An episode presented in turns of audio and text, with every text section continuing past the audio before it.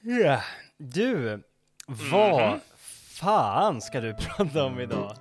Ja, du. du lyssnar på Wikipodden med Johan och Erik. Tack för att du lyssnar.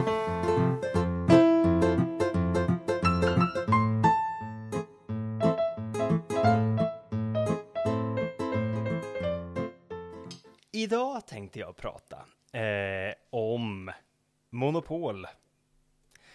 Och... Mo, eh, mo, mo, alltså monopol som är att du kommer från en ljudkälla eller... just det, eller, precis. Haha, Haha. haha. Nej, jag menar inte det. Och jag menar inte heller det tillstånd då en marknad domineras av en enda aktör. Utan snarare det enormt populära brädspelet med samma namn. Mhm. Oh! Vi pratar spel igen. Vi pratar spel igen. Om, om ni undrar så är det Johan sitter och äter här. Han är så, Förlåt, han är så respektlös. eh, Nej! Nej, det är lugnt. Jag, det känns, jag tror att det blir lite kökskänsla, lite sådär efterfeststämning, lite, lite gött och mosigt. Ja. Så, välkomna till efterfest i Wikipodden. Ehm, det är så här att, ehm, ja, jag ska prata om monopol. Är du en monopol, monopolare? Är du en monopolist? Gillar du monopolspelet? Ha? Monopolist. Ja, alltså så här. Jag hatar ju, jag hatar monopol. Jag hatar Mm. Ja. det verkligen. Jag hatar det med en brinnande passion. Yes. Men man kan ju inte hata ett spel med en sån passion utan att på något vis älska det också. tänker jag. Precis, den här passionen kommer ju någonstans ifrån. Eller hur? Man vill ju vinna. Man vill ju eh, etablera ett monopol, så att säga. Ehm, men eh, anledningen till varför man kanske hatar det här spelet, det är ju att det tar ju så en jäkla tid att spela.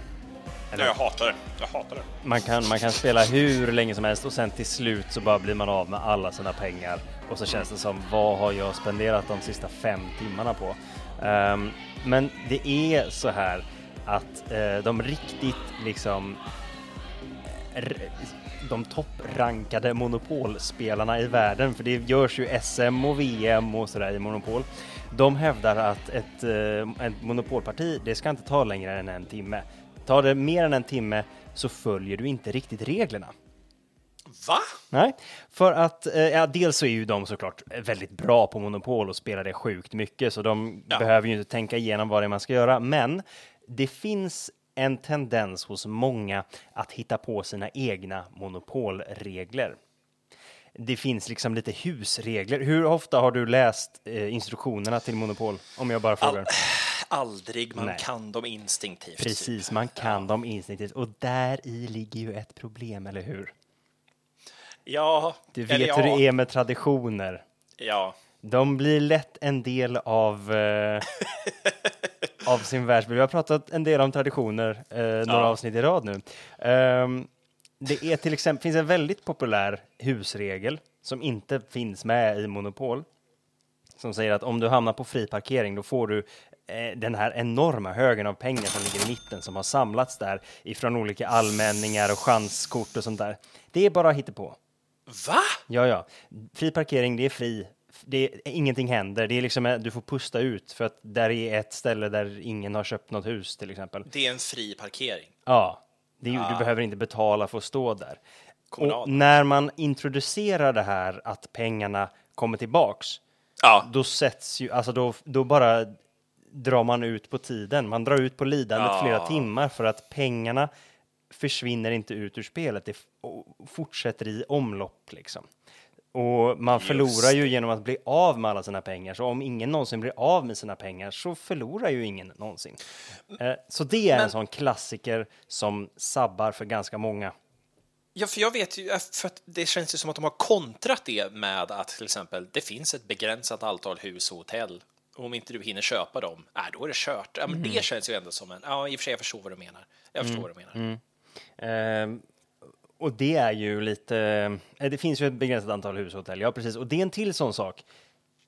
De, det är ett eh, begränsat antal av en anledning. Man ska inte lägga till extra hus. Det är många som gör det. Ja, men eh, nu lägger vi till den här knappen. Den får representera ett hus. Ja. För att man tänker att man, klart man ska få köpa hus, men det finns ett begränsat antal hus. Och eh, det är liksom en taktik att du kan köpa upp alla gröna hus utan att byta dem till hotell. Då kan ingen annan köpa gröna hus. Och därför kommer ingen kunna få hotell. Exakt. Monopol! Eh, monopol, ja, precis. Eh, så det, det är liksom lite av en anledning faktiskt till att det tar sån sjuk lång tid. Och framför allt är det just den här fri parkeringsregeln som, eh, som jag lärde mig att den är den bara orsakar smärta för folk. Så ni där hemma, sluta med den här fri parkeringsregeln. Det är mitt tips i alla fall. Om ni Vi vill. kan alla komma överens om det, att vi Ja. slutar med fri Det tycker jag. Det tycker jag. Ehm, jag gillar ju alltid historia. Hur blev någonting så som det är? Och vi ska ju då såklart gå igenom Monopols historia. Och den är inte så okontroversiell som man kan tro. Nämen, nämen. Det är kanske många som känner till att eh, Monopol från början är ett slags varningsspel.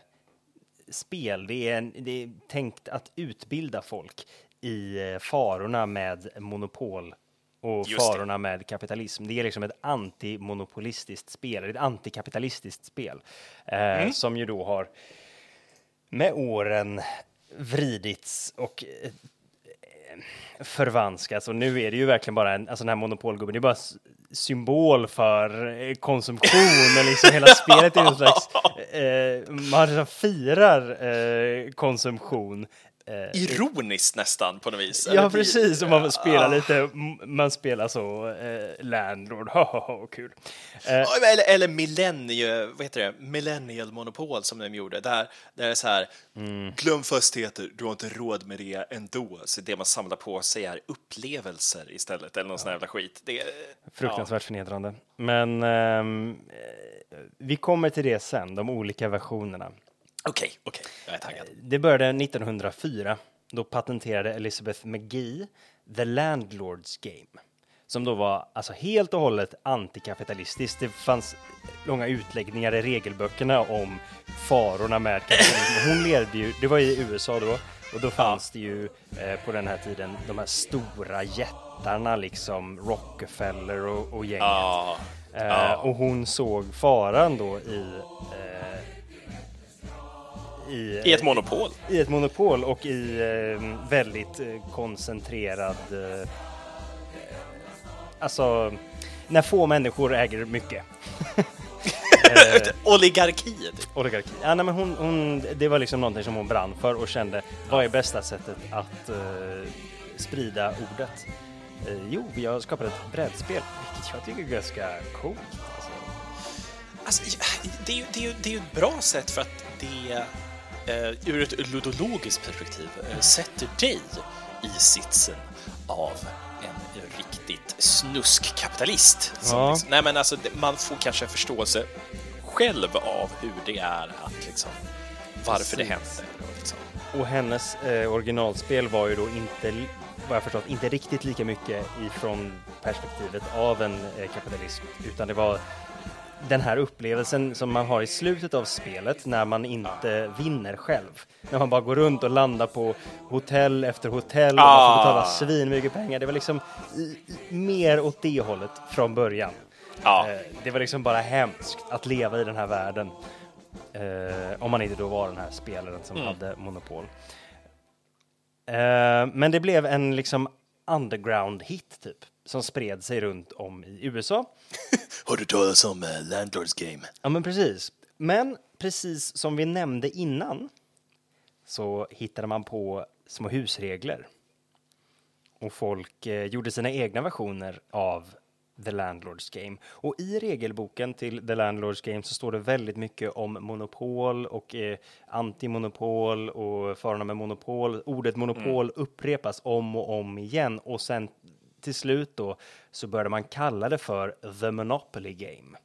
Och det var Ah. någon, någon spelare som hamnade i att de hade monopol och sådär. Så man började kalla det för The Monopoly Game.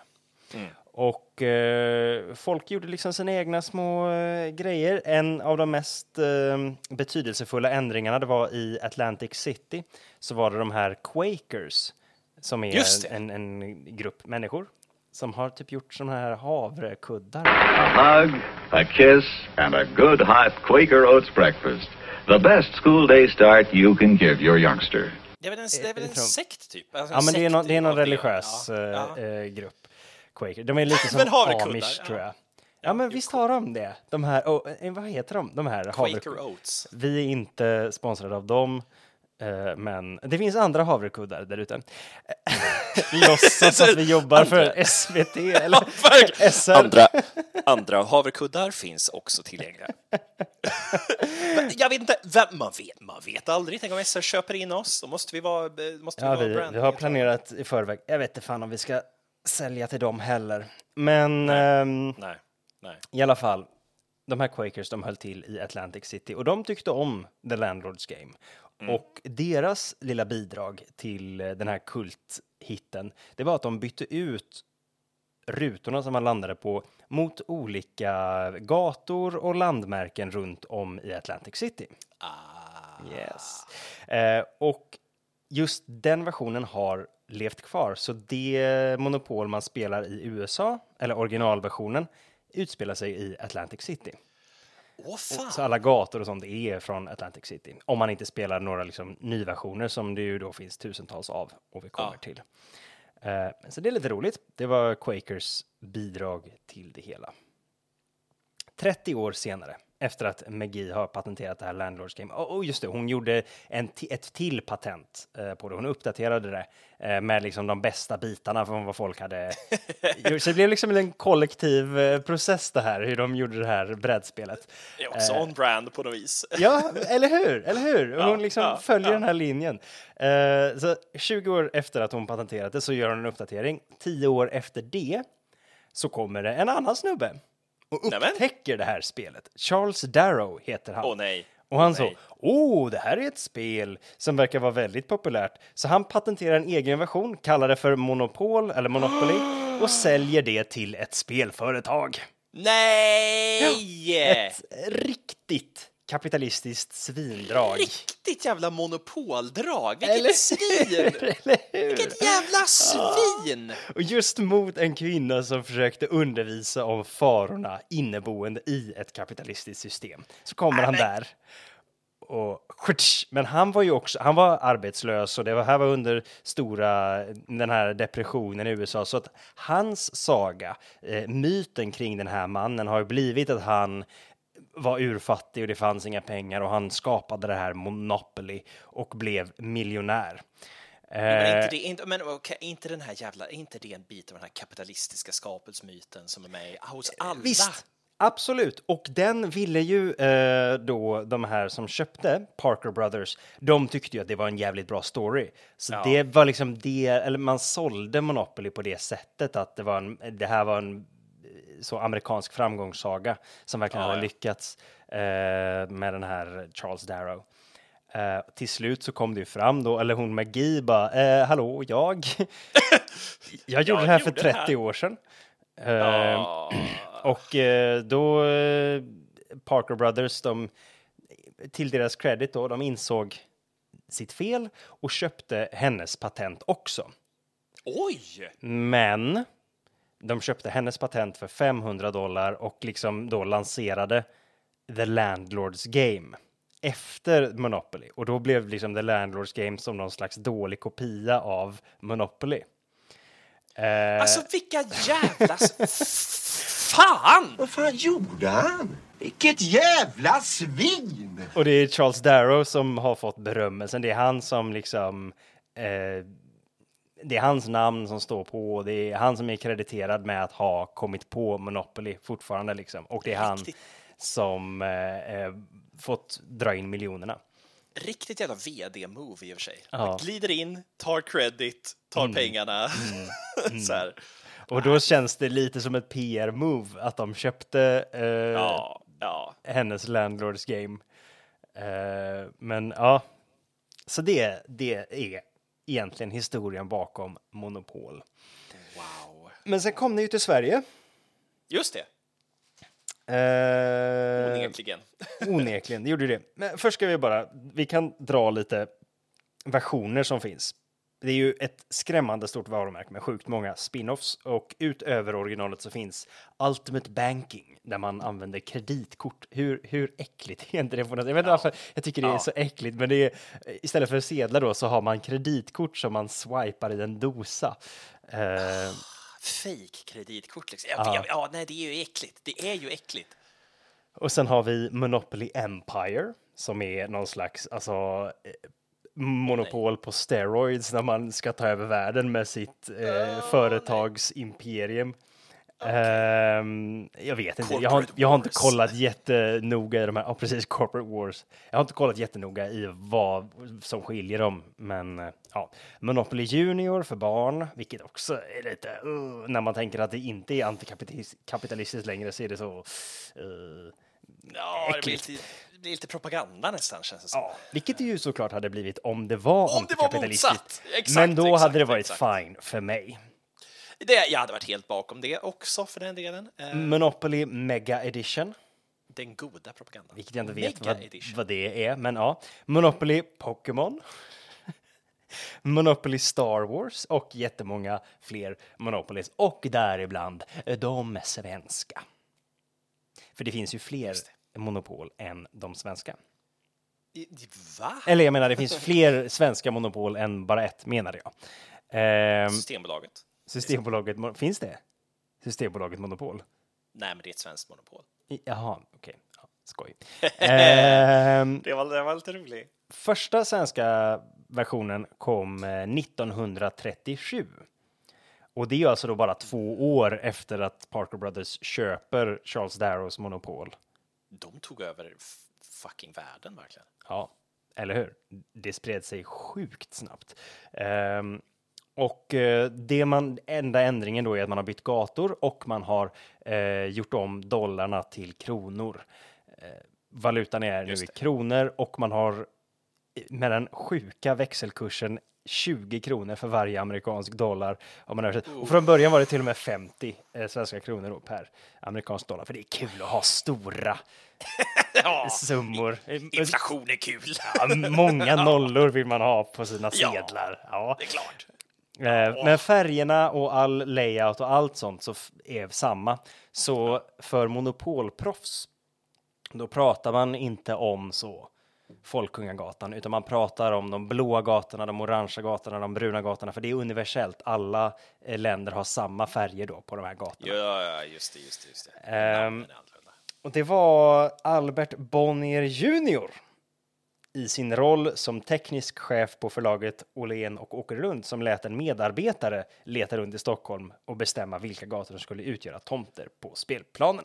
Nej! Eh, och det är så roligt att de skriver det här eh, på Wikipedia så här att han som teknisk i sin roll som teknisk chef lät en medarbetare leta runt i Stockholm. Det var inte han som gjorde det utan hans medarbetare som inte har något namn eller någonting. Han tillät honom att leta runt i Stockholm. Han bara, får jag, får jag gå och leta? Får jag? Du har min välsignelse att gå och leta namnlöse anställd. Tack! Precis. Men så det var inte Hasbro då, eh, eller Parker Brothers. Det är Hasbro är det nu som äger. De Ja. köpte upp Parker Brothers. Men det var inte de som bestämde, eh, utan det överlät dem till översättningen då, vilket ju är rimligt. Hur ska de veta om svenska gator? Eh, men de här gatorna har ändrats lite sedan början. Vissa gator har blivit mer värda än vad de var 1935 eh, på grund av hur man har byggt i Stockholm. Eh, man har liksom dratt om bilvägar och sånt så att vissa gator är mindre värda och då har det reflekterats i monopolspelet. Nej, har, har de alltså bytt ut det? Då? Ja, ja, det är lite roligt. Det är också lite weird, men eh, ja, tänk att liksom så är här. väldigt weird. Nu gatan som vi bor på har flyttats ner i rang i monopol.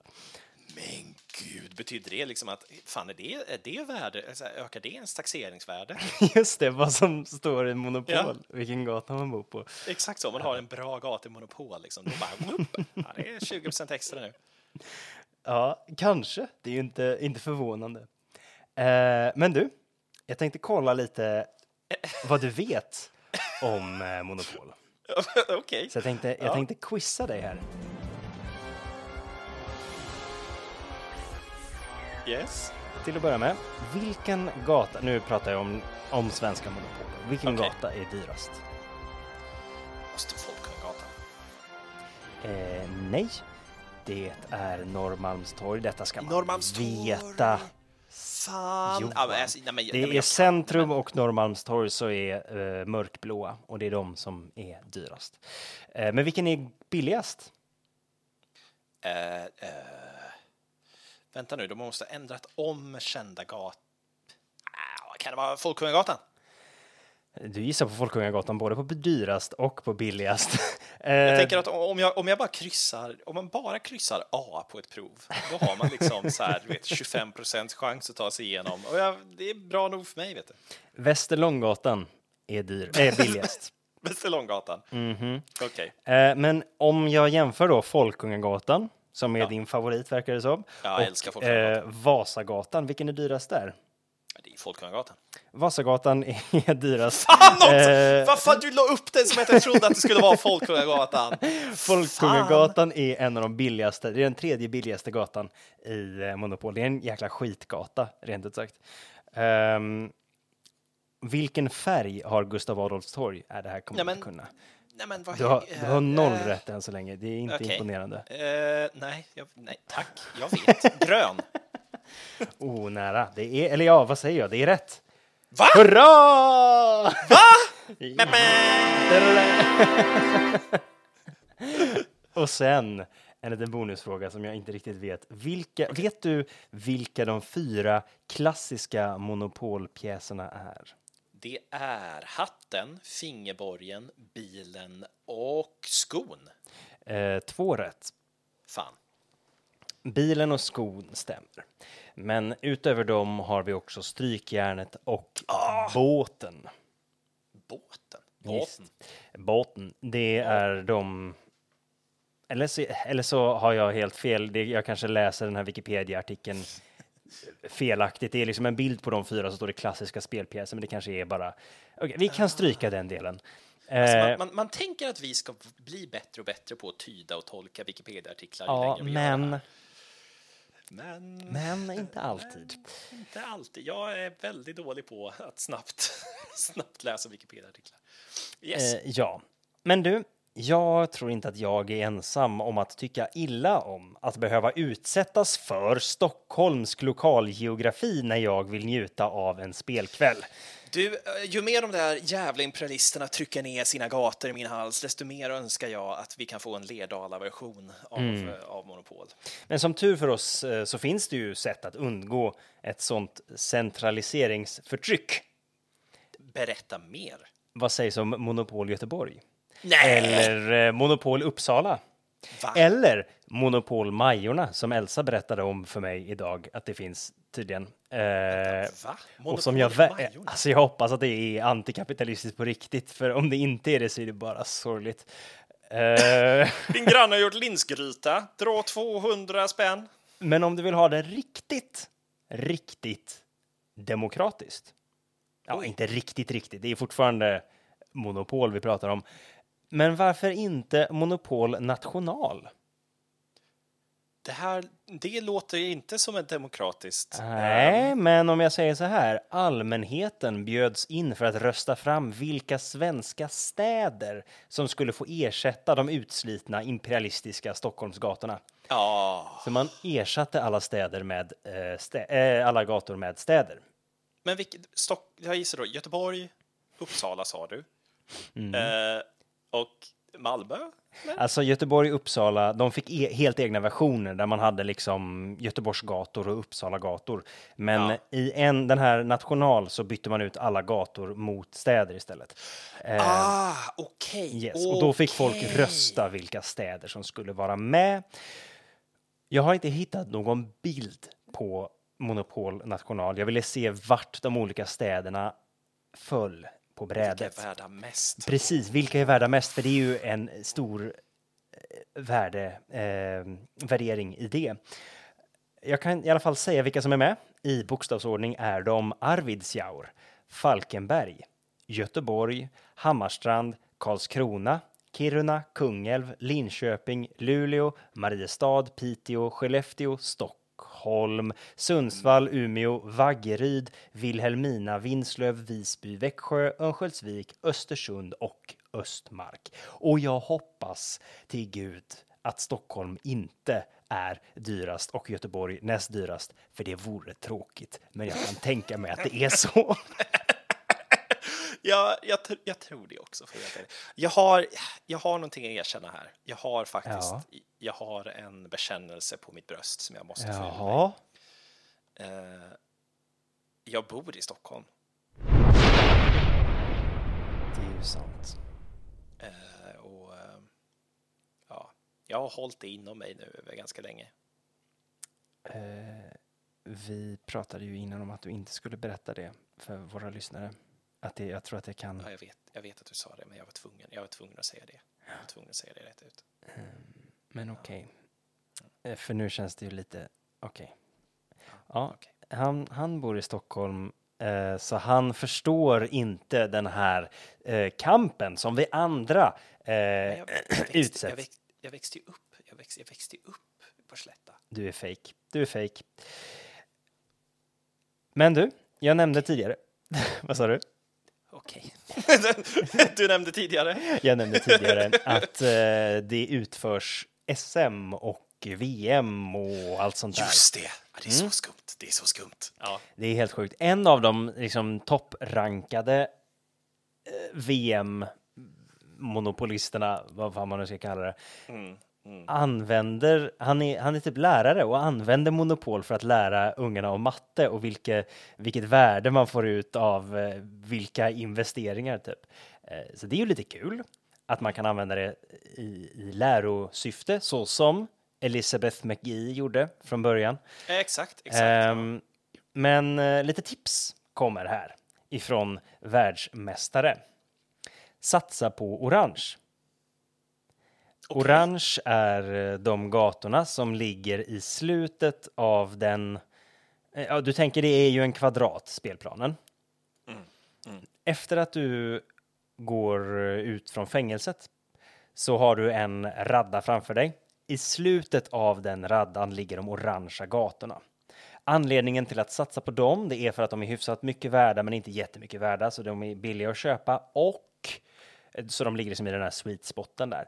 Men de är också eh, så där så att när man kommer i fängelse, vilket man gör ganska ofta, då är det väldigt stor chans att man slår sina tärningar, eftersom att det är två tärningar också, och att man kommer till de orangea. Så de har väldigt hög eh, frekvens av, eh, av spelarnedslag. Alla gator kan vara vinnargator. De orangea är bäst, men de bruna är riktigt dåliga. De kan man inte vinna på, enligt den här världsmästaren.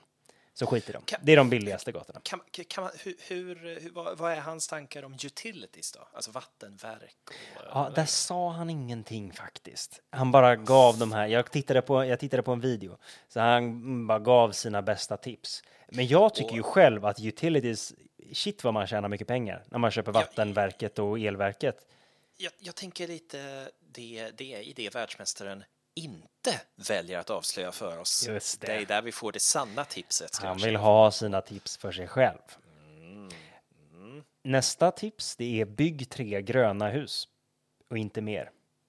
Där har du mest bang for the buck, alltså investeringen ger mest avkastning i nivån tre gröna hus. Dessutom så är det den här taktiken som jag pratade om innan, när man bygger fyra gröna hus men inte hotell för att eh, liksom draina eh, den, antalet eh, gröna hus som andra kan använda. Och den har man ju väldigt nära till hands då när man har byggt upp tre gröna hus. Då kan man liksom Ja, sno ja. åt sig lite extra hus om man vill verkligen dra åt snaran. Åh, åh, vad sniket. Åh, vad sniket. Och sen det sista tipset är riktigt, riktigt tråkigt. Jag önskar att han istället hade berättat någonting om vattenverket, men han sa bara planera för framtiden. Man bara, ah, okej. Vadå planera? Fuck you. Pl- planera för framtiden. Ja, För att det planera för fram... Sluta äta avokadotoast. inte så, men snarare planera hur du vill spela din omgång. Men det är liksom, vadå då? Jaha, det fattade, Vadå väl, då? det fattade vi väl alla att det är bra att göra. Det är bra strategi. Ja, tack. Ja. Eller hur? Det är bra strategi. Eh, men jag hade, jag har, jag har ändå lite kärlek till Monopol. Det är, ett, det är ett sjukt långsamt och frustrerande spel och man blir så arg på varandra eh, ofta. Men jag gillar det. Jag tycker det är härligt och det är alltså lite anledningen till att jag tycker det är så härligt är ju den här historien, eller man vet ju att det här är så klassiskt spel, så när man lägger Ja. fram spelbrädet så är det så här, mm, det är monopol. Det är ändå Det är monopol. alla. Inget är som monopol. Riktigt. Det, ja, nej, nej, jag håller med. Det är sommarstuga, det är Mm, eh, precis. strömavbrott i, i eh, stearinljus. Mm, Det, är, eh, ja. Det kom ju en svensk rip-off som hette Finans. Som var, Jaha, som är en, ja, Finans och Nya Finans. Eh, och sen så kom så här Nya Bondespelet och Ja, Jägersro det. som alla handlar om, det var ganska populärt ett tag, att eh, spel som handlar om att tjäna så mycket pengar som möjligt eh, och i slutet av spelet ska du ha mest pengar så vinner du ja, eh, och försätta de andra i konkurs gärna. bondespelet är ju fruktansvärt verkligen. Ja, ja, visst, det är hemskt. Och vad jag, nu, nu är jag ute och svävar, alltså nu har jag ingen, ingen Ja. täckning för det jag säger, men jag för mig att bondespelet är samma skapare som Finans och Nya Finans. Ah, Att det- inte omöjligt. Att de liksom sats, de gjorde sin grej där med att skapa spel där man ska tjäna jättemycket pengar. Eh, Så det var en populär gameplay loop back in the days. Eh, Det var det jag hade om Monopol.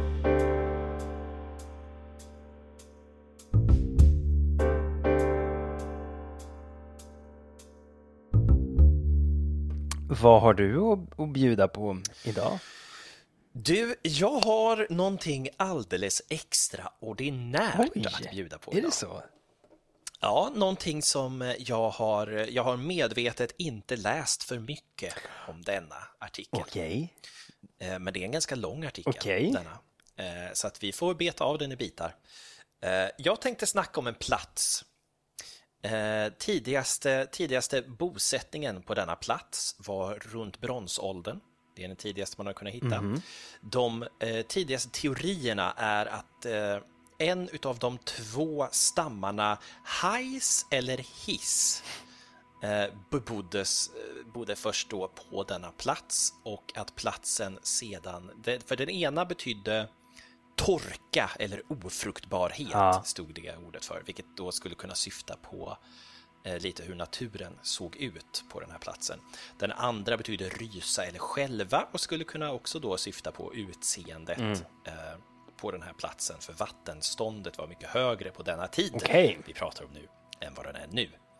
Eh, Men sen kan man då, eh, det finns en till och det är att grundbetydelsen är klyva, skära av eller skilja. Vilket naturligtvis då står för eh, den här landmassan och att den är kluven ifrån fastlandet av ett smalt sund. Jag har en, jag har en gissning. Ja, ja. Är det Hisingen vi pratar om? Denna bit, denna ö, denna Sveriges femte största ö skulle sedan få namnet av en av dessa stammar Hiss. och kallas för Hisingen. Nej, vad roligt! Är det sant att det, jag hade ingen aning att det var en stam. Nej, nej, nu vet du. Nu vet Det jag. är därifrån det kommer. Wow. Det är därifrån det kommer. Ä- Ända in i medeltiden var ön delad av ett smalt sund genom Kvilledalen. Där Kvillebäcken nu rinner, så Kvillebäcken var en enorm fors Mm. vid ett tillfälle. Nej, så det är det vi ska prata om. Eh, Hisingen är, som jag sa, det är Sveriges femte största ö. Det. Kan du, kan du säga de fyra som är större? När jag växte upp så lärde jag mig att Hisingen var Sveriges fjärde största ö. Och detta har senare ändrats. Den var faktiskt fjärde största ön, men man eh, räknade in någon eh, ny ö som ö som faktiskt inte tidigare räknades som ö. Men vi har ju då Gotland, Öland, eh, Orust, och sen fick jag reda på att det skulle vara Hisingen. Men nu är det någon bit av Stockholm tror jag som man på grund Jajamän. av kanaler och dylikt har man nu sagt att nej men det här är ju en ö. Det är ju faktiskt Sveriges fjärde största ö. Och sånt va. Jag kommer inte ihåg vad den heter för att det är ju återigen Stockholms geografi. Jag lägger inte på minnet. Nej, jag förstår det. Det smakar är illa i min mun. Värdefullt. det ger mig imperialistiska vibbar. Nej, du har helt rätt. Det är Gotland, det är Öland, det är Orust och det är Södertörn. Södertörn. ja.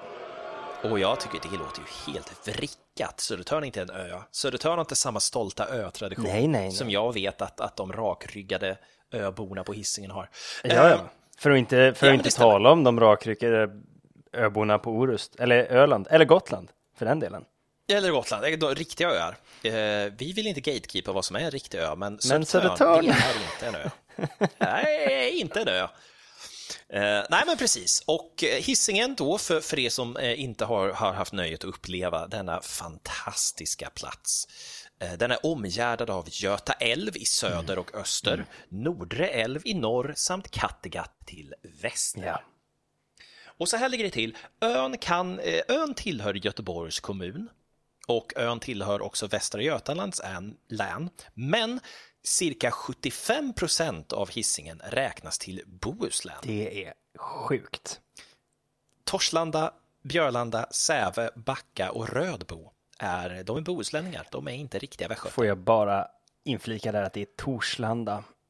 Torslanda, förlåt, förlåt. Eh, Min eh, exodus Men- till eh, huvudstaden. Ja, nej, den har skadat dig. Men va? Är, är Torslandabor eh, bohuslänningar? Det är ju det sjukaste jag har hört. Ja, alltså officiellt tydligen så räknas det till Bohuslän, men, men ön tillhör ju Västra Götalands Ja. län och Göteborgs kommun. Ja, de är ju fortfarande göteborgare. Det är ju sjukt att vara göteborgare Ja, och ja. bohuslänning. Det visste jag inte att den kombon Göteborg var möjlig. I så fall hade jag re-rollat min karaktär. Man får ju inte lika bra racials som bohuslänning. Eh, det är ju så. Men det är mer exotiskt. Ja, ja, verkligen. Nej, så att om du, om du däremot hade turen att eh, växa upp och födas i Lundby och Tuve, då, då är du västra, då är du västgöte. Eh, Så att det är en fjärdedel tillhör officiellt Västra Götaland. Det är de jure Västra Götaland. Det är sjukt. Det är jävligt sjukt, det är det. det, det när jag läste det så var jag verkligen så här, va? Eh, vet du hur stort Hisingen är? Jag vet bara att det sträcker sig ifrån verkligheten till drömmarna. Och, och, längre, Och längre än än så, så. skulle jag säga. Eh, och från verkligheten till drömmarna och vidare är det ungefär 199 kvadratkilometer. Eh, har vi nu svart på Det är respektabelt. Eh, det, det, är- det, är en, det är en ö ändå. Det är en ö. Det, kan ändå det, det är en ö av internationell standard, skulle jag vilja Just säga. Eh, och den utgör hälften av Göteborgs sammanlagda yta, men har en fjärdedel av antalet invånare. Mm. Just det, för det är ju bara södra sidan som är liksom tät, tät befolkat.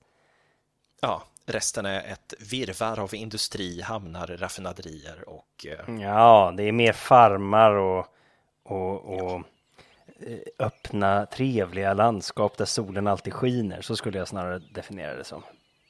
Ja, men det, ju, det finns en anledning varför de sa att det var en, en torr och uttorkad plats. Det är för att solen går ju aldrig ner Just det. Så är det. Eh, och det, det, är ju, det är ju ett faktum som många kanske inte vet. Eh, nej, men jag tänker, och så här, du har ju ganska många personliga erfarenheter av Hisingen, så jag tänker du, hoppa in när du vill. Absolut. eh, som du redan börjat göra. Men jag tycker att det är... Ja. Är det här någon slags hämnd för att jag tog Lerdala? Eller hämnd? Eh, åter, du återgäldar den tjänsten. Ja, ja det, jag, Ja, känner lite att jag, jag kände att eh, jag behövde någonting som liksom ändå är, är eh, nära kopplat. Ja, Eh, men jag tycker så här. Hisingen, ni vet nu att det är, en, det är en, en stor del av Göteborg, men ni kanske inte vet riktigt hela historien bakom Hisingen. Så att vi gör en snabb kronologi. Gärna det, Hisingen. för jag vet nog själv Jajamän. inte. Nej, exakt. Eh, 1200, eh, 1020 spelade kungarna Olof Skötkonung och Sverige, från Sverige och Olav Haraldsson från Norge tärning om Hisingen. Jo. Coolt. Eh, ja. 1254 blir Östra Hisings härad svenskt igen. Mm. Vadå, i, Ja, det- igen? Var förlorade de i tärningsspelet? Vem var det som vann? Norge, jag tror Norge, Norge. ja. Jag tror det tillhörde Norge mm. så länge. 1603. Vad hände 1603? Det här, det här ska... Det här, Här ska jag kunna. Kalmarunionen? Nej. Nej. Eh, nej, då var det, nej, det var ju långt innan dess. Eh, 1603, då hände, då, då började man, då var det gamla Göteborg som grundlades då. Just det, Karl den niondes Göteborg. Just det, Karl den första. som låg på Hisingssidan primärt. Jo, nej, på riktigt? Vad jag har lärt Så mig i det- alla fall. Det kanske är min Hisings patriotiska uppväxt som har lärt mig detta, men det är så minns jag det. Ja. Att, eh, men det det, sjönk i- ner i, i eh, sankmarken. Det är som den här Monty Python-sketchen när han berättar om de olika slotten som har stått där. I built this kingdom up from nothing. When I started here, all there was was swamp. Other kings said I was daft to build a castle on a swamp. But I built it all the same, just to show them. It sank into the swamp. Det är i- Göteborgs historia. We built another city and it sank into the... Eh, här stod det att 1611 så brändes den ner av danskar. Eh, det är också, det, är, det kan jag tänka mig. Det är falskt. Det är klart att de var, Eh, nej men det är klart att de var avundsjuka på den metropolen, den förlovade staden. Mm, och det faktum att solen aldrig någonsin går ner. Nej. Eh, det är ju värdefullt. Och är det något danskarna kan så är det väl att bränna svensk landsbygd. Det, de är ju något av experter på det, det har vi ju lärt oss. Mm. Det har vi lärt oss. Eh, vi har mycket gemensamt. Båda våra, eh, våra, våra liksom, kärnregioner har liksom blivit nedbrända Ja. av dansken. Ja. 1905 förstördes nio hus i ett kilometerlångt kraftigt jordskred vid Ramberget. Oj, är det sant? 1906? Nej, Fem. 5. 1905. 1927 hände någonting som, som skulle komma att ändra hissingen för alltid. Eh, jag vet inte. Jag har ingen aning. Volvo? Nej. Ja, Är det Volvo. så? Den första, ja, den första Volvo-bilen rullar ut från fabriken. Eh, 1969 införlivades Torslanda och Säve kommuner. Ja, det, det, det var ingen rolig alls. Eh, Det är inte roliga kommuner. Det är det faktiskt inte. n- nej, det, är- inget sexigt på det. Eh, men här däremot, alltså grejen är att det finns så många saker i den här artikeln om, om, om Hisingen som jag känner jag skulle kunna göra egna, egna jävla avsnitt om. Men vi får, vi får bara täcka över dem lite fort. Strejken på Arendal eh, ägde rum 1972. Arendal. Arendal. Arendale. Arendale. Vänta! Jo, jo då. Vänta, vart är, vart är det med? Frozen. Frozen. Ja, just det. Precis, precis. Det är Arendal, ja. Just det. Frozen är i Det är baserat det är i det är- Arendal, fast i Norge, men i Arendal. Oj, det är fan Ja, absolut. häftigt alltså. Det har jag ingen aning.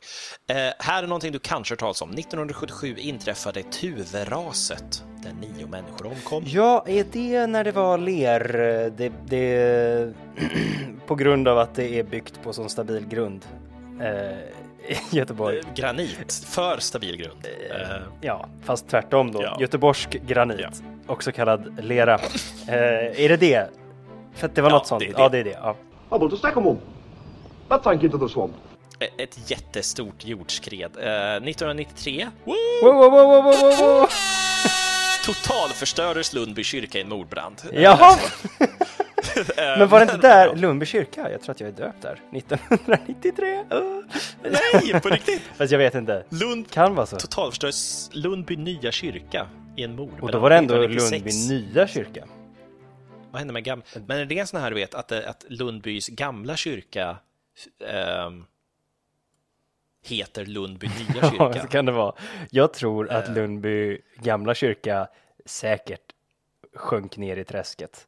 Eller brändes i en mordbrand. Ah. Kan vara så. So I built a third one.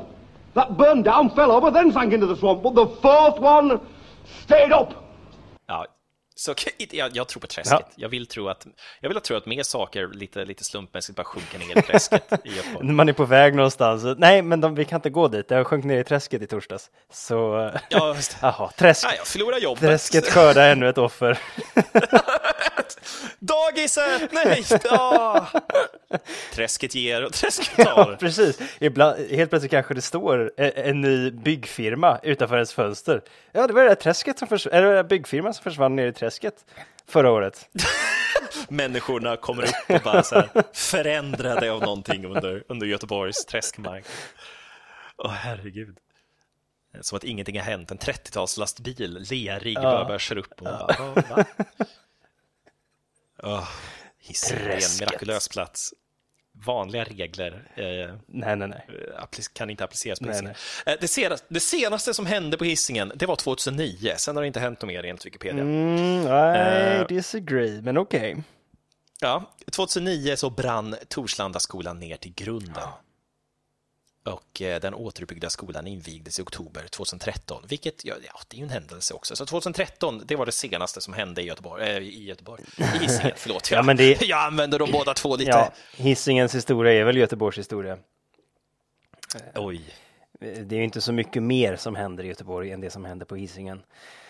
Ja. Eh, nej, men vi har ju också Backabranden. Det står väl säkert där, hoppas jag. Backabranden? Nej. Det är ju ingenting att stoltsera med jo, såklart. förlåt, förlåt, jag missade 1998, diskoteksbranden. Ja. Just det, exakt. Jo, det, det stämmer. Det stämmer. Gud, jag hoppade bara över den. Vad hemskt. Det är den värsta brandkatastrofen i Sveriges historia. Usch. ja. Eh, Och Hisingen är ju uppdelat i tre stycken faktioner. Okej, berätta Tre vilka. stycken, ja, det är tre stammar som konstant krigar om influens, mat, resurser. Det är eh, de tappra, de tappra eh, krigarna ifrån Lundby. Mm, de rättfärdigaste av dem alla. de rättfärdigaste av dem alla, precis. Det är de kloka rådsmännen ifrån norra Hisingen.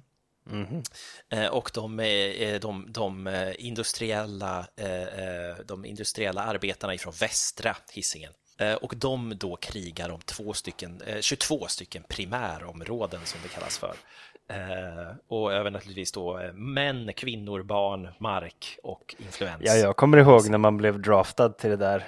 Eh, man är tvungen att, ja men du vet, tjänstgöring garanterar ju eh, medborgarskap i Hisings, okej. Ja, i Hisingslandet. Så man var ju tvungen att, att, att skörda några liv för att få, eh, ja eller i alla fall i, komma med några, med, eh, med eh, nyttiga contributions till sin stam.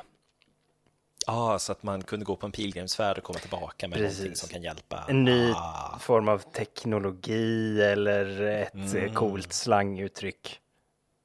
Så att man Okej, kunde bli ja. accepterad av stammen. Mm. Just det, ja, Hisingen har ju många slagguttryck. det stämmer. Vilken, vilken stam var du, eh, var du medlem Nej men jag var ju de, de rättfärdiga Lundbyiterna. Just det, den, den minsta faktionen. Ja, men, men, eh, men, tappraste. den man hejar på i tv-serien.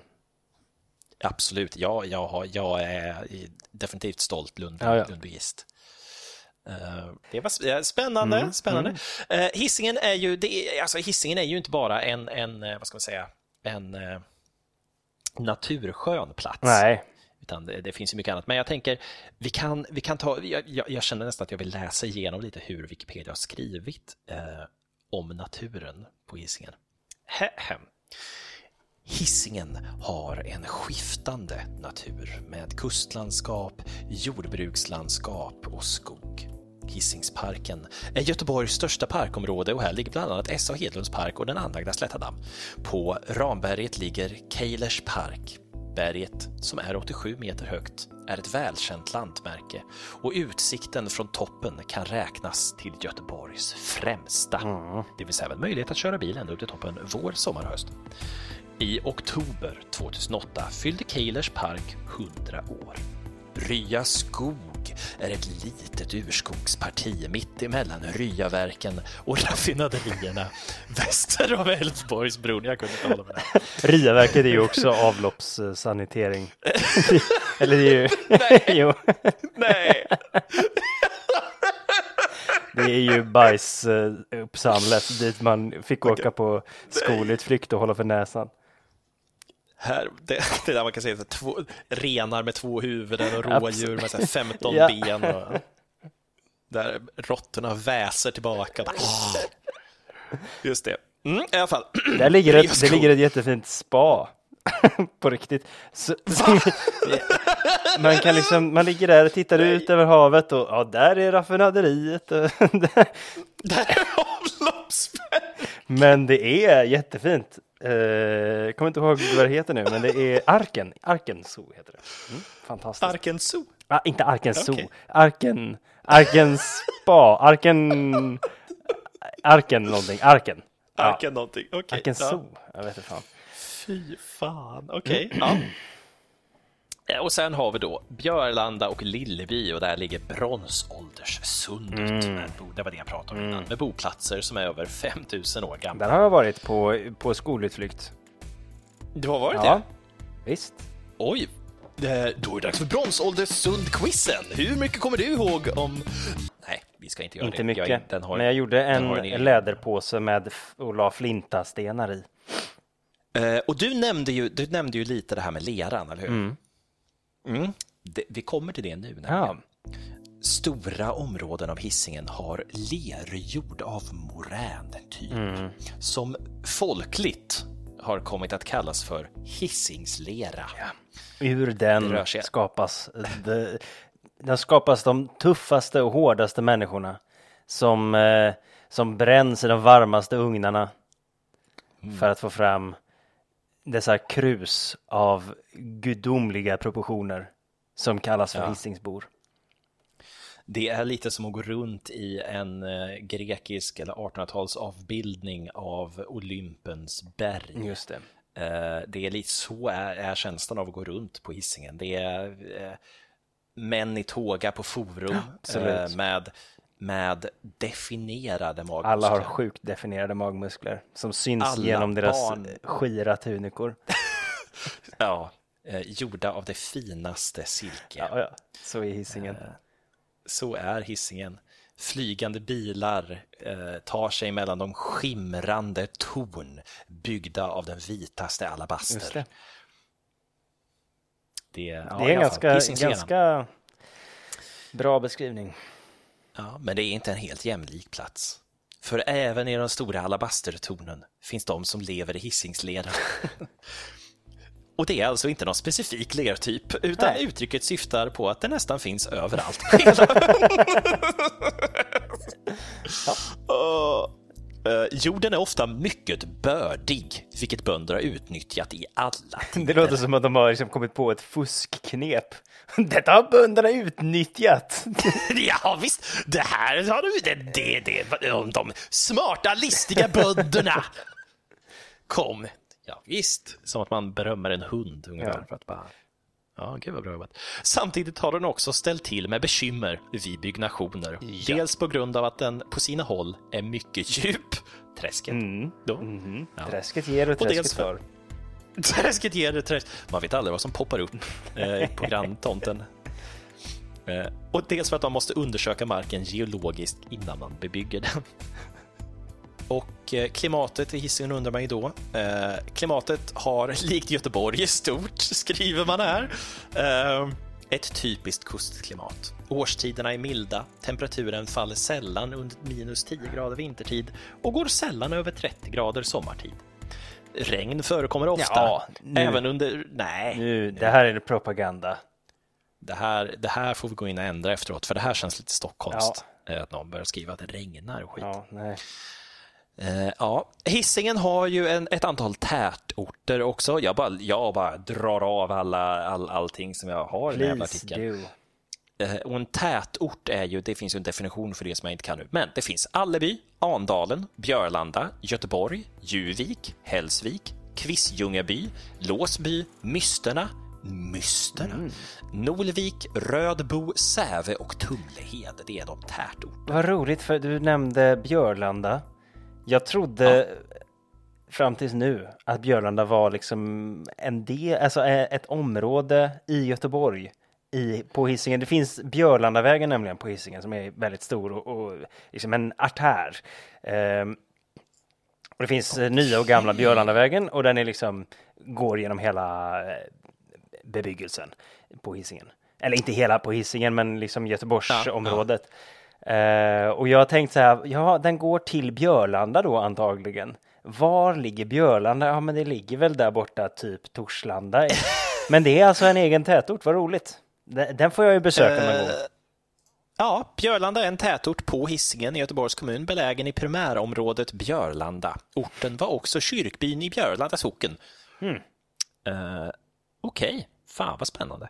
Eh, vet du hur många människor som bor på Hisingen också för övrigt? Du är ju tyvärr inte unik. Jag bor faktiskt men- inte där längre. Det är, nu är det här jobbiga tillkännagivandet som du gjorde i min. Nej. Jag har ju förrått mina rötter och förlovat mig med en Majornabo. Och jag bor inte i Majorna, tack och lov, Nej. men det är svårt att få henne över till den rätta sidan om älven. Jättesida älven. Ah. Ja, jag är ledsen faktiskt. Nu tappar jag bort många som bor där. Ja, det är, jag förstår att det kom som en chock. Eh, men jag har ju bott där i alla fall. Det är väl det är en, Ja. ändå något. Det är du och 145 000 till som bor på Hisingen. Det är fan många ändå, 145 000. Jodå, Jävlar. men det är en stor ö. Det är en stor, det är ju Sveriges femte största. Nej, vet du vad? Fuck it. Fjärde största ö. Eller hur? Södertörn. Du, du gills Nej. inte. Vilka industrier har hissingen att erbjuda Vilka världen? Redan industrier har hissingen inte att erbjuda världen? Eh, du nämnde ju Volvo innan. Det är ju det. Ja, svårslaget kan man säga. definitivt. Det är definitivt väl definitivt. industriernas industri. Det blir ju inte mer bruksort än Volvo ändå, Nej, känns det nej. som. Sen har vi ju såklart varvet som inte finns längre. RIP. RIP, Men ja. varvet. Men eh, F. där byggde man ändå Ostindiefararen. Var det där man byggde Ostindiefararen? alltså då var ju varvet redan nedlagt, uh, här för mig. Men man Ja. byggde det ändå där varvet var. Det byggdes på Hisingen i alla fall och ligger förtöjd Åh, på Hisingen fan. när den inte är ute till havs såklart. Åh fan! Eh, men vad finns det mer för industrier? Just nu på Hisingen, vad finns det för industrier? Jag tänker bara att det finns massa ut, massa så, Lindholmen Science Park och sånt där. Men det, Ja, det är mycket små, mycket små tjafs här ju. Men jag tänker, ja, jag vet inte om man kanske klassar som en industri kanske, men, men eh, det finns ju någonting väldigt stort där alltså. ja. Jaha. Någonting som är otroligt stort. Menar du alltså hamnen? Nordens största. Ah, Skandiahamn. Ja, ja, ja, ja, den får man ju inte glömma. Containerhamnen, det är Nordens största hamn. Det är, det är där vi får all vår Coca-Cola ifrån. Ja, Sveriges eh, handslag med resten av världen. Alltså om, jag önskar att ni kunde se ansiktsuttrycket Erik just gjorde när han sa det. Det, det, var, det var det vackraste jag tar mig fan med någonsin har sett. Den största auran av överlägsenhet som jag kan frambringa. Ja, nej, det var, det var innerstadt Stockholm eh, känsla jag fick där. Det var eh, fan oslagbart alltså. Jävlar. Nej, men det, det stämmer. Det är Sveriges handslag. Men vart fan får du allt, allt ifrån? Jävla poetiskt alltså. Jävlar. Eh, nej, det stämmer. Mycket riktigt. Mycket riktigt. Eh, energihamnen finns tydligen också, eller oljehamnen. Jag vill bara nämna också så att vi inte glömmer det när vi pratar om hissingen så vill jag prata om den enorma kulturinstitutionen eh, Flunåsparken.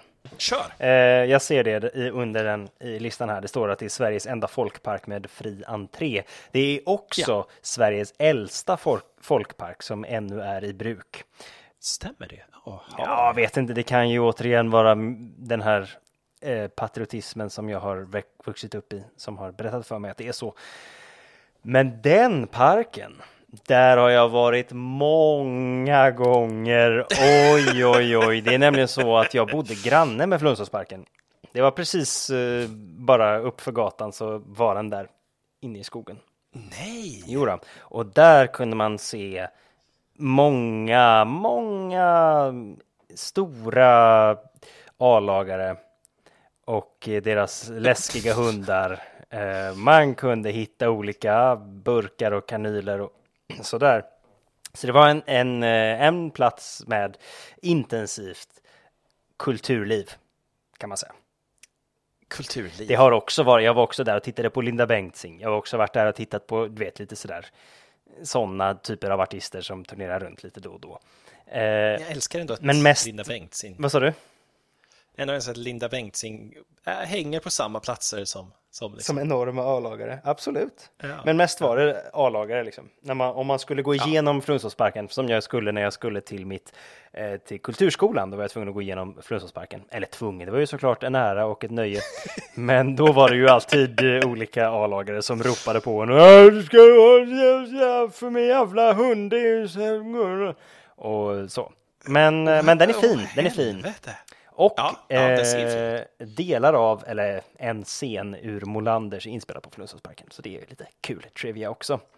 Ja, just det. Eh, jag har faktiskt en fråga här. Förlåt, också, för en jag- sak det- till. Ja, nej, kör! På, på gatan som gränsar till Flundsåsparken, den här gatan som jag bodde Ja. på, Blackevägen, där står Sveriges, eller kanske i alla fall Göteborgs största magnoliaträd. Och den står på eh, adress Blackevägen 22, vilket är den adress där jag har vuxit upp. Där jag tagit mina första stapplande steg. Det blev lite Göran Persson igen där. har vuxit upp. Då jag tog mina steg.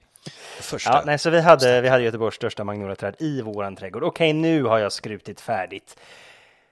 Nej, jag tycker, nej, vad fan, det här är ju hur, det är hur coolt som helst. Hur kom det sig att ni hade Sveriges största magnoliaträd? Ja, det stod där när vi flyttade in. Uh, nej, men det var förra ägaren tror jag som hade planterat det och han var ju trädgårdsintresserad och min mamma var trädgårdsintresserad så hon fortsatte väl det. Eh, av det. Men för mig var det, för Magnolia är en buske egentligen. Men våran var ju träd, alltså jag klättrade ju i den och så. Det, alltså de, det, är ju Oj. inte, det var ju inte världens största magnoliaträd, det finns ju andra exempel på sådana, men det, den var ovanligt stor i alla fall för Göteborgs klimatet. Som alltid är soligt eh, dock, men ändå ovanligt stor. Okej. Gud vad så här, ja, vilket vad vackert på något vis ändå. Att det var, där kunde du kolla, där kunde du spionera på alla de, de enorma avdagarna. Ja, Eh, nej, men eh, jag har faktiskt, jag har faktiskt en, en fråga här. ja, för, för jag läste, jag, du, du sitter ju också och läser igenom artikeln just nu. ja mig. skummar. Skummar, exakt. Eh, Det finns en sevärdhet de nämner. För att det är ju nämligen så här att du har ju faktiskt en, eh, nej du har inte bara en syster, du har ju två systrar. Just det. Men en utav de systrarna eh, heter ju nämligen Ragnhild. Just det. Och under sevärdheter så, så läser jag här Ragnhildsholmens borgruin från 1200-talet. Eh, ligger vackert belägen vid Nordre älv och har en spännande historia att berätta som de inte har det är jättekonstigt att den har en spännande historia att berätta och så står det inget mer. Så Det var det, var man bara, åh, det låter ju spännande. Ja, ja, klick. Eh, få, få, är, är det här Ragnhilds namne? Eh, det det här- är inte det, vad jag förstått. Det är inte det. Ett, Okej. Eller Nej. Kanske, man vet ju inte vad som pågått i det undermedvetna, men jag tror inte att det är det. Eh, det är en... Men, men den har vi ju varit och besökt och det har varit sån, för det är ju ingen, Ragnhild är den enda i världen typ som heter Ragnhild. Inte sant, men den enda eh, som är född hennes år i alla fall som heter Ragnhild. Eh, Och eh, så den har man varit och besökt och lite så, ja, ja, du finns ju faktiskt ändå. Du är inte den enda, du behöver inte känna dig så ensam i världen. Det finns nämligen en ruin med samma namn. Jag har aldrig lärt mig någon historia bakom, men jag vet att jag varit där och, och fikat, eh, eller så här, picknickat. Men man kan ju inte prata om hissingen utan att nämna fotbollen. Just det. BK Häckens hemhamn, skulle man kunna säga. Men eh, även om Häcken kanske var störst, så var de inte först. Det var IF Nord, var Hisingens första fotbollsklubb, Jaha. grundades 1906. Jaha. De hade först akrobatik och brottning på programmet. Sen, 1907, ändrade man sitt namn till Lindholmens IS, vilket åldrades dåligt kanske. eh, och gjorde, Ja, gjorde, li- man kan säga att vi är lite som Lindholmens IS. ja, vi kör lite samma grejer, eh, samma känsla, gött tugg, grabbig stämning. Eh, ja, de hade en fotbollsplan på den så kallade Kohagen, precis öster om Sannegårdshamnen. Det här säger mig inte någonting. Nej. Men, men, ja, men det var Hisingens första och här har då Wikipedia gjort air quotes arena för fotboll. Kohagen. Kohagen. Vilket är väl det man kanske skulle kalla eh, Bravida Arena för också. Kohagen, ja. Eller Rambergsvallen då, Mm. vilket den egentligen heter. Eh, nej, men eh, nej, IFK Häcken grundades... eh, Jag tror IFK Häcken, vad faktiskt- sa du nu? Nu sa du, nå- nu sa du väldigt, Häcken. nu sa du något väldigt dumt. Nu klampar du rätt i klaveret. Oj, oj, oj. Ja, men det är ju som Hammargården. Nej, förlåt. Eh, som eh, Djurby. Dju- Eller... Eh, BK AI. Häcken har ju varit eh, en del av min uppväxt också. Ja. Bodde ju bredvid Rambergsvallen och spelade i BK Häcken. Nej, vänta, vänta, vänta, spelar du i Häcken? Spelade jag. Vad i helvete? Det här har du fan med aldrig Nej, är det sant? Jo, men jag spelade i Häcken. Jag var, eh, jag var inte en Va? eh, tillgång för laget. jag var back eh, oftast. Alltså vi hade inga fasta positioner så. Det var mest att jag eh, hade inte så bra koll på det här med att sparka på en boll. Utan jag kunde Eh, springa. nej. Jag kunde springa, Ja. så det gjorde jag mycket och det fick man göra som back. Men mest så stod jag kanske nere vid målvakten och hade händerna i fickorna och tittade på fotbollsmatchen eller någonting annat som var, kanske var intressantare. Det här kanske var för ingen var så imponerad av att höra att du var med i Häcken. Eh, ja, nej, precis. Men det enda, den enda strategin vi hade, det var att man skulle passa bojan. Det var liksom, Passa om jag, bojan. fick, om jag fick bollen så var det så, passa bojan. Det är det enda du behöver göra, för Bojan, han kommer göra mål. Det var kanske så att Bojans pappa var en påtryckande kraft kring varför den här strategin uppkom. Men passa Bojan i alla fall, det var viktigt för att det är Bojan som kan någonting i det här laget. Han är, han är liksom vår enda kompetenta spelare i hela enda laget. kort som vi kan lita på. Herregud. Ja, vi ska jobba med passningsspel idag. Igen? Ja. Förutom Bojan då, Eh. du ska öva på att ta emot passar. Uh, allihop, varsin boll. Bojan, ta på dig dojan. Ja, nej, det var, det var så jag Ah. minns det i alla fall. Jag tror inte att alla var instruerade att passa Bojan, men för mig och de på min nivå så var det viktigt att man passade Bojan. Annars, du är ingen jävla hjälte, okej? fattar Du är inte Bojan. Du är inte huvudpersonen i den här... eh, Nej, det var, jag, det var jag verkligen inte. Men vad fan, jag är fortfarande helt, jag är helt förstummad över att, att jag sitter med en före detta Häckenback. Vad då då? Man hade lite, man hade gratis eh, entré till alla Häckens matcher. Vad då då? Det var, det var väl inget konstigt? Häcken är för, de är ju för fan med i Allsvenskan. Jajamensan. Eller var med i Allsvenskan. Uh, Ja, de är riktiga A-lagare. 2014. Men det, De är ju, de är ju gigantiska ja, ja, A-lagare. visst. Ehm, ja, du. Ja, du. Ja, men jag, gud, förlåt, jag, jag blev helt, jag hade en, jag hade en plan, men jag, är, jag blev helt rubbad av att du var med i Häcken. Jag, eh, det, är ju, det är ju riktigt, jag känner, jag vill ge dig den igenkänningen du förtjänar här. Eh, det, är, det är hårt arbete att hålla på BK Häcken. I- Det eh, är ju det. Fotboll. Jag är ju inte Det är något, hårt jobb. något fotbollsfantast överhuvudtaget så. Men jag brukar säga att när folk, när folk eh, frågar vad jag håller på så säger jag Häcken. För det är också lite säkerhetstänk där. Det är ingen som slår ner en Häcken-supporter. Alltså säger du, säger du guys eller säger du IFK, då kan du bli nedslagen. Men säger du Häcken så är det så här, ja ah, okej. Ja, försök att göra det i, i Stockholm också kan jag säga, när folk liksom så här Ja, jävla gnagare, eller så här, eller inte, inte med göteborgsdialekt då, men, men alltså så här, ja, jävla gnagare, ja, det är djurgårdare, och sen så, vad, vad håller du på Johan? Man bara, ja, eh, BK Häcken. Säger du det?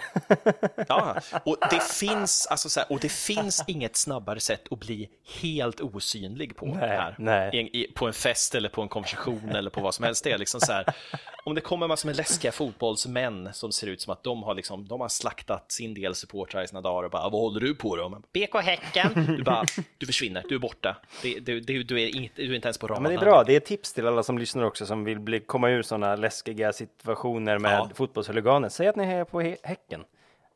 Det, det var väl egentligen det som fanns. Eh, Det är en sak vi inte har nämnt än i och för sig och det är naturligtvis den koloss som likt det stora berget Uluru i Australien sträcker sig över Hisingen.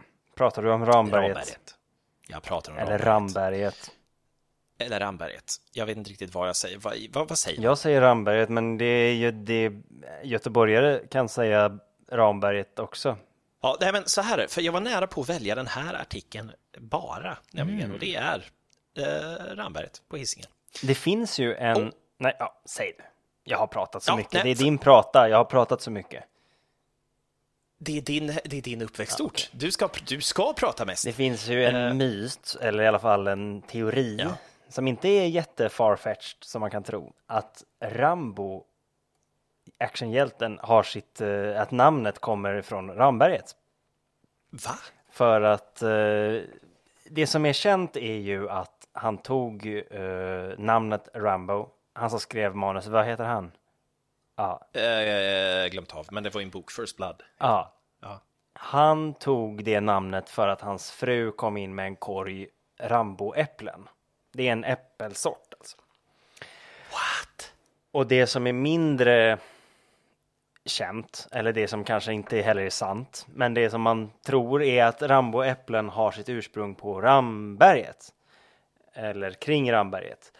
Och att det är därför de heter Ramboäpplen och att de har tagits med eh, utvandrare till eh, Amerikat ifrån Hisingen eh, till USA. Och plantera och så Nej. hade hon sådana så att eh, så det är liksom eh, Rambos ursprung. Han kommer från Ramberget. Ja, det stämmer. Wikipedia styrker Är det så? du säger. ja, styrker Ja, Wikipedia på- så är det helt sant. Det är 100% sant, så måste det vara. Äpplet togs till Nordamerika av Peter Gunnarsson Ramberg, senare Rambo, som tog namnet Ramberg efter Ramberget. Coolt. En av de första bosättarna i nya Sverige. Eh, Det var inte fanns en helt egen artikel för bara det här. Vilket hål vi trillade ner i här. Åh helvete. Ja, nej. Eh, Så här, för vi, vi, jag frågade ju dig hur ska Ramberget uttalas? Ja, Ramberget. Wikipedia har, tagit, ja, Wikipedia har tagit ställning. Oj. Ramberget skall uttalas med kort A. Ja, så är det. Står det. Så är det. Så man kan tänka, man kan tänka Rambo. Så kommer man rätt. Rambo, Ramberget. Ja, exakt. Eh, och, det är det. Wikipedia säger skall uttalas med kort. Mm. Då är det så. liksom, Det, är, det, finns, det finns inga... Vi diskuterar tolknings- inte. eh, Nej, det, vi, vi diskuterar inte med lång A. Och terrorister. och terrorister. Eh, samma skrot och korn. Mm. Eh, men Ramberget, det finns en, det finns en hel, hel, hel jätteradda med, med alltså vi, vi skulle kunna haft ett helt avsnitt på bara, bara Ramberget. Men det fanns en grej som jag fastnade för och som jag undrar om du har hört talas om. Berätta gärna för mig om Rambergsgubben. Nej, det har jag faktiskt inte hört talas om. Jag vill gärna att du berättar för mig om Rambergsgubben. Okej, Eh, kom lite närmare lägerelden då, Ja. mitt barn. Eh, Du förstår, i gamla tider berättades sagan om Rambergsgubben. Han var god vän med jätten Godhemsgubben ända tills folket i bygden börjat anta den kristna läran och därför, jo, och därför skulle bygga en kyrka. Folket vände sig därför till Rambergsgubben och bad att få ta sten till kyrkbygget från hans berg. Det kunde han absolut inte gå med på eftersom ingen jätte kunde tänka sig en kristen kyrka i sin närhet. Eftersom man inte fick någon sten av Rambergsgubben bestämde man sig för att uppföra kyrkan på andra sidan älven. I Godhemsgubbens berg började man därför att bryta sten. Men då han insåg vad de höll på med lovade han att släpa till, sten, släpa till stenen samt slipa till, släppa, lovade han att släppa till stenen. Slä, släpp till den då, sluta krångla. Eh, samt transportera den, bara de byggde kyrkan på sin sida av älven. Detta blev man överens om. Men då Godhemsjätten en dag kom körande med ett stort lass sten utför berget fick Rambergsgubben se honom och blev så arg att han stod, eh, tog ett stort klippblock och kastade efter Godhemsjätten och hans vagn. Oxarna slogs ihjäl och vagnen krossades mellan de väldiga bumlingarna. Det klippblocket ligger fortfarande kvar. Godhemsjätten blev nu rasande och gick längre upp på berget där han tog toppen av en stor klippa som han kastade rakt emot Rambergsgubben. Klippstycket träffade Ramberget med sådan kraft att det sprack. Jättestenen, som den kallas, finns fortfarande till beskådande. Ah, jättestenen ja. Jaha, var det så det gick till? Det var så det gick stärker det här. Eh, ge geologer stärker det här. Ja. Eh, kryptogeologer stärker det Ja, här. ja. Eh, Vad coolt. Och Wikipedia, Wikipedia nämner det ju, så då måste det ju vara sant, tänker jag. Ja. Oh! Ja, här har vi det. Förlåt, det var det här jag tänkte göra. Okej, det var här okej, jag tappade okej, helt. Ja, sista. Det här var det här jag tappade helt när du sa att du... När, när, När jag var BK Häcken. när du var BK Häcken. Eh, berömda personer Okej. ifrån Hisingen. Okej. Ja, och här kan jag redan, likt, likt mig själv i min Wikipedia-artikel om Lerdala, så jag står ju inte med där. Nej. Eh, därför att det är ju, det, någonting har uppenbarligen gått fel. Någonting har gått fel. någonstans. Ja. Eh, men jag upptäcker till min fasa att du står inte med på kända personer från Hisingen Det är för jävligt. Det är för jävligt. Det finns, eh, vi, vi, vi, vi går igenom Vi får redigera den helt enkelt. Ja, ja, vad fan, det får vi absolut göra. Eh, vi har Sture Allén som är språkforskare och ledamot av Svenska Akademin. Så det, ja. Bengt Anderberg, författare. Eh, Kent Andersson, skådespelare och författare. Mm. Ture Ivar Dahlberg, trubadur och Hisingens nationalskald. Oj, det visste jag inte att vi hade en, men okej. Jo, du! Ja, ja. Här har vi en honom. nationalskall, betyder det att Hisingen är ett, ett, en egen nation? Är det här bekräftelsen över att Hisingen är en egen nation äntligen? Just det, Hisingen ut ur Ja. Sverige. Finns? Är, är det en... Det finns uh, sådana eh, nej! vindar, men det är, inte, det är inte så seriöst. Det är mer skoj. Nej, nej. Okej, ja. eh, Han uppfann flera udda musikinstrument, däribland skift, skiftharren, en jättestor skiftnyckel som man försåg med strängar och spelade på, samt dyngbasen, en Finns det något mer hissingskt än dyngbasen?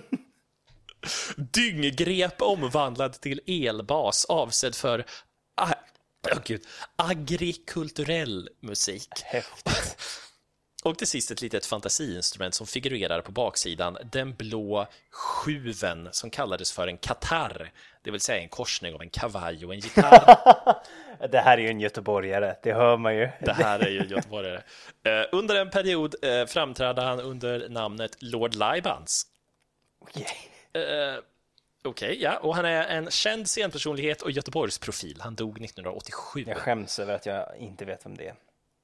Eh, hans diskografi är Kärleken är ett kärt besvär, Den blå showen och Filosofie, vaktmästare och trubadur, en LP. Mm. Eh, det här ser jag fram emot att höra när vi lanserar avsnittet sen.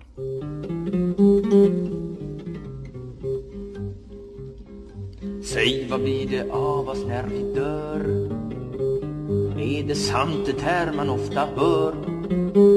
Att Andersson skall skyffla svavel utanför hin onde skavel medan Svensson tar sig ton i änglakör. Sen har vi då naturligtvis eh, Hissingens Messias som ledde de göteborgska slavarna ifrån byggandet av Globen över genom Göta älv, som Ja. delade Göta älv. Just det. Det är Glenn Hysén. Ja, han är Hisingsbo. Eh, och eh, vi kan också då nämna Peter Gunnarsson Ramberg, stamfader för svenska amerikanska släkten Rambo. Låter som att han är liksom ah, Rambos anfader, men de menar ju äpplen då. Eh, eh, här har vi en, det, det finns, vad är det nu? Det här är den första kvinnan på listan tror jag. Hon, hon är med, hon anses vara Jack the Rippers tredje offer, Just det. Elisabeth Stride. Just det. Så det är Det, det här får man höra talas om en del. Det det kan jag tänka mig. Ja. Det är liksom är ett riktigt- konstigt claim to fame, men det är ändå ett claim to fame. Eh, och, och sist men inte minst Victor Lexell, som är en sångare. Eh, Är han den nya tidens eh, eh, Lord Så Laibans? kan det nog vara. Men och då naturligtvis Erik Lennblad. Denna lista är inkomplett. Du kan hjälpa till genom att expandera den. Ja, nej men jag säger som Hissingens, eh, eller BK Häckens, vad heter det, deras kampsång. Ah, Vi är inte från Göteborg. Vi är inte från Göteborg. Vi är inte från Göteborg. Vi är från Hisingen. God kväll.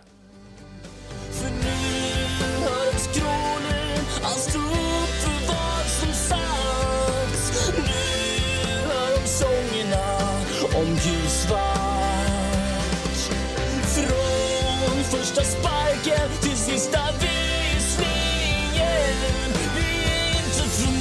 Göteborg.